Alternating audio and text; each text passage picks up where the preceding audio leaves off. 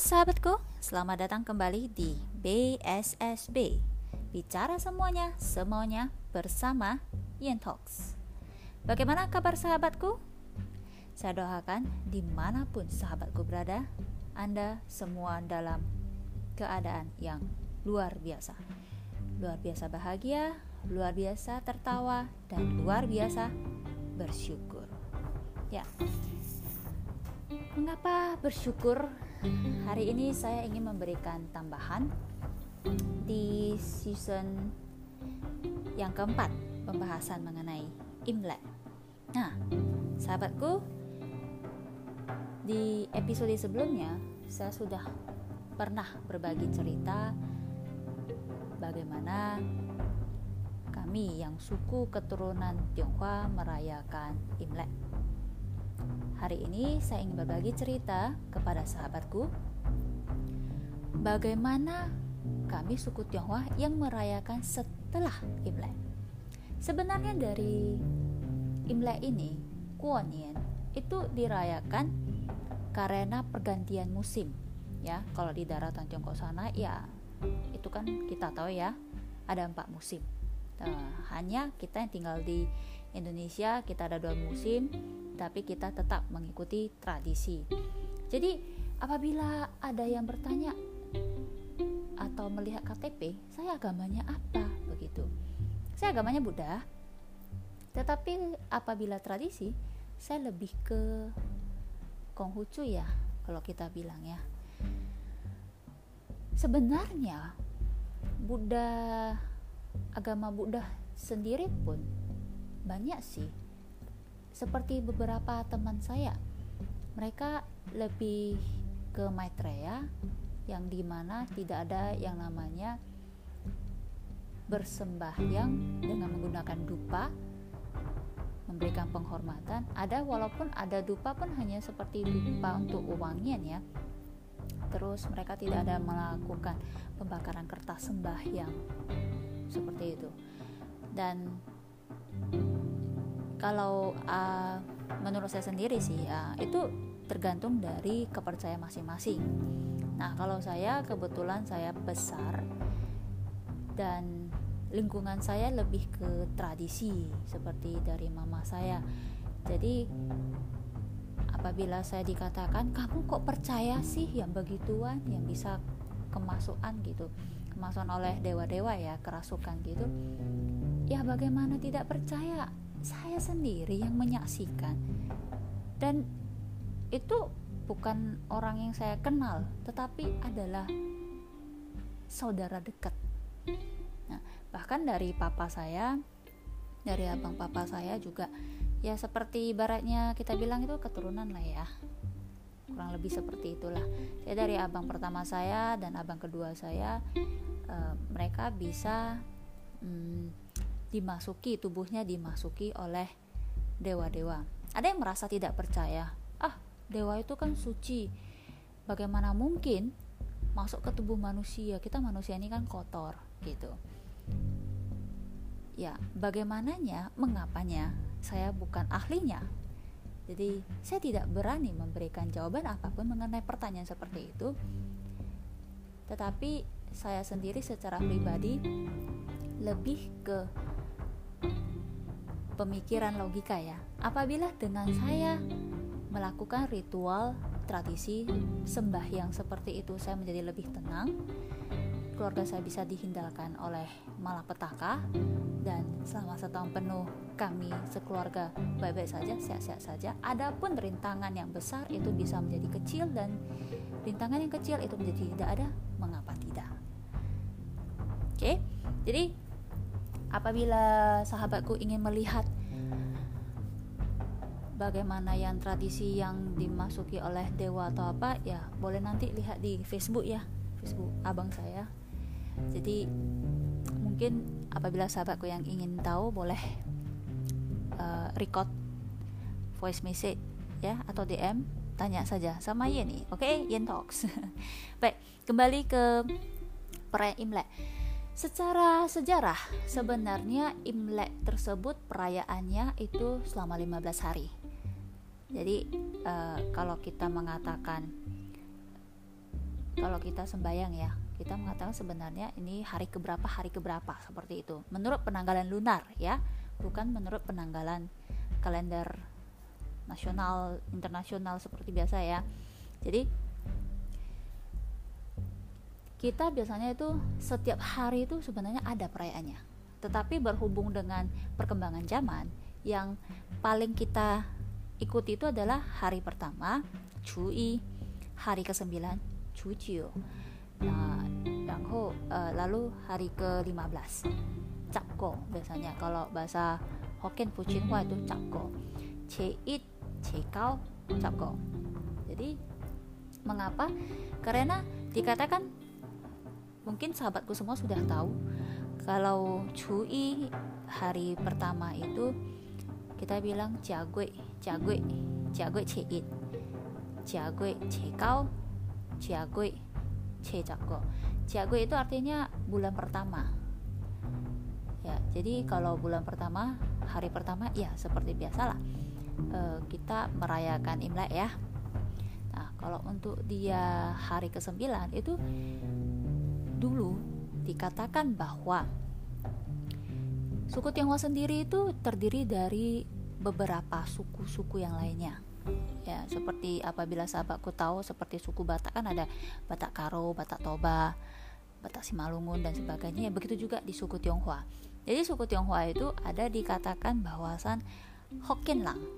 Nah dia keturunan dari uh, suku Tionghoa Hokkien itu dikatakan dulu bahwasan mereka di sebuah di desanya di tanah kelahirannya itu ada terjadi peperangan. Daerah mereka itu diserbu oleh bangsa Mongolia. Jadi suku rakyat desa yang tinggal di situ melarikan diri menyelamatkan diri ke hutan bambu. Hutan bukan bambu tebu tebu tebu di hutan tebu. Jadi mereka bersembunyi di dalam hutan dan tidak bisa merayakan Imlek.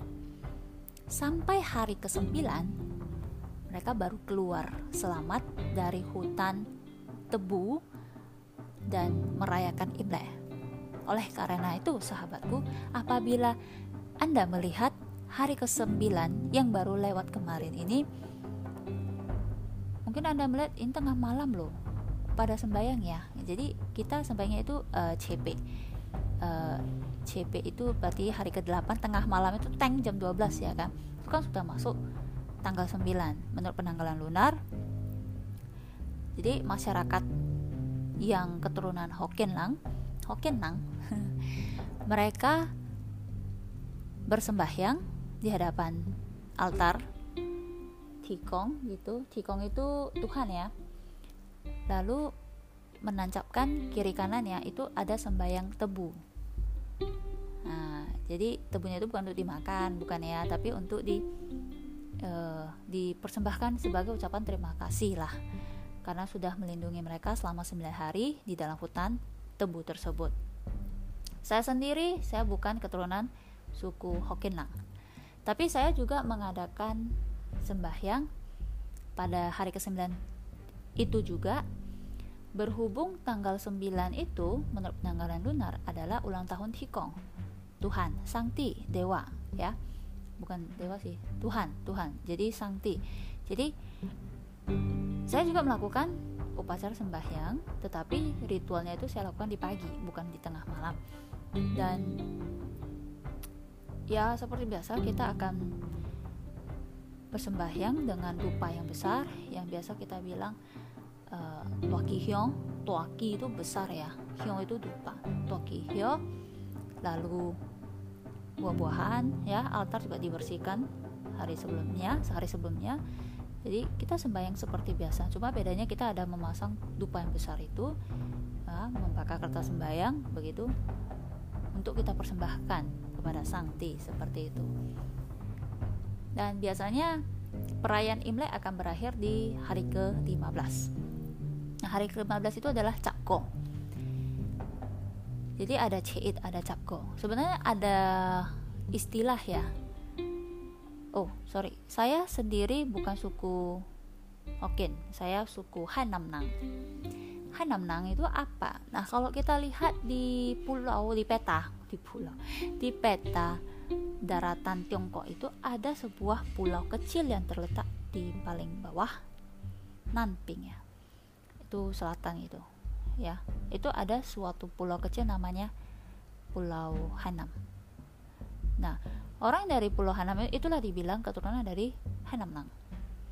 Jadi, kalau ditanya lu Hamilang, kamu orang apa sih oh Teochew Nang Hokkien Nang Hanam Nang nah, jadi itulah dibilang uh, saya ini suku orang keturunan dari ini loh Hanam dari Hokkien. Nah, kalau di Medan paling banyak itu Hokkien Nang.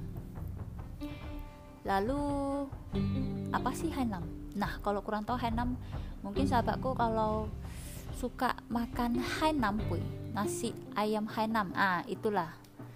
Itulah makanan khas daerah kampung saya yang saya tidak tahu, yang saya belum tahu, belum pernah menginjakan kaki di Hainam.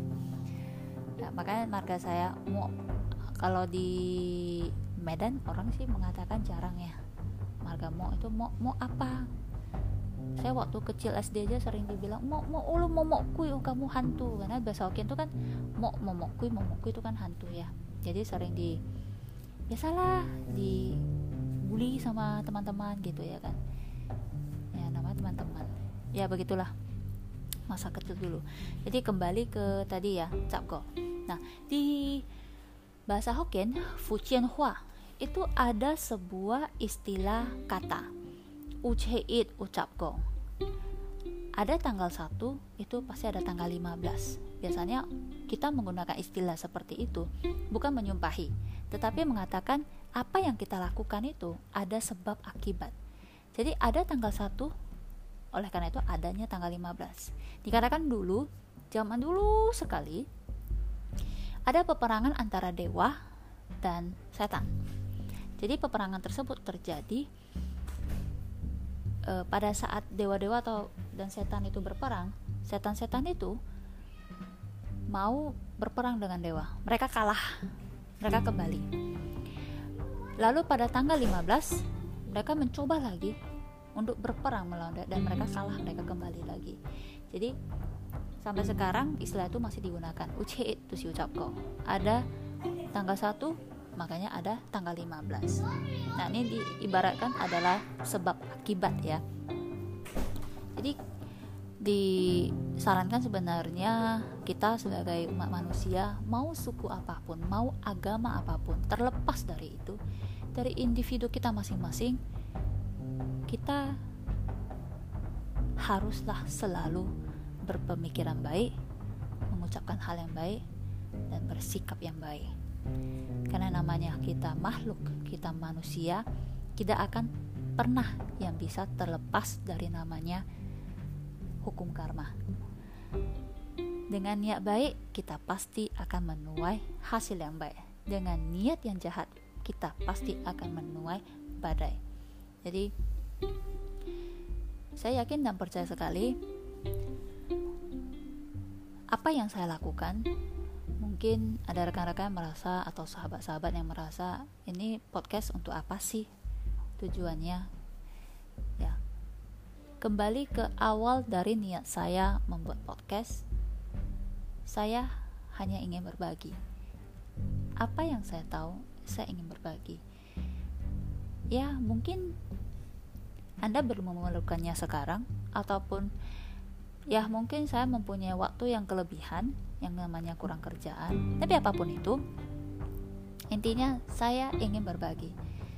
Suka dan duka pengalaman, cerita, pengetahuan yang saya miliki, saya berbagi. Oleh karena itu, saya sangat berterima kasih untuk sahabat-sahabatku yang sudah bersedia meluangkan waktu mendengarkan cerita saya. Jadi apabila sahabatku ada mempunyai cerita-cerita yang lain, silahkan dibagi kepada saya. Jadi saya yakin pengetahuan saya bisa bertambah. Karena ya mau bagaimana ya otak saya cuma sesendok teh yang ingin menyendok seluas lautan. Kapan lah gitu kan? Selesainya begitu. Eh jadi akhir kata dari saya senyum Semangat selalu bersama BSSB. Bicara semuanya, semuanya bersama Yen Talks. See you when I see you.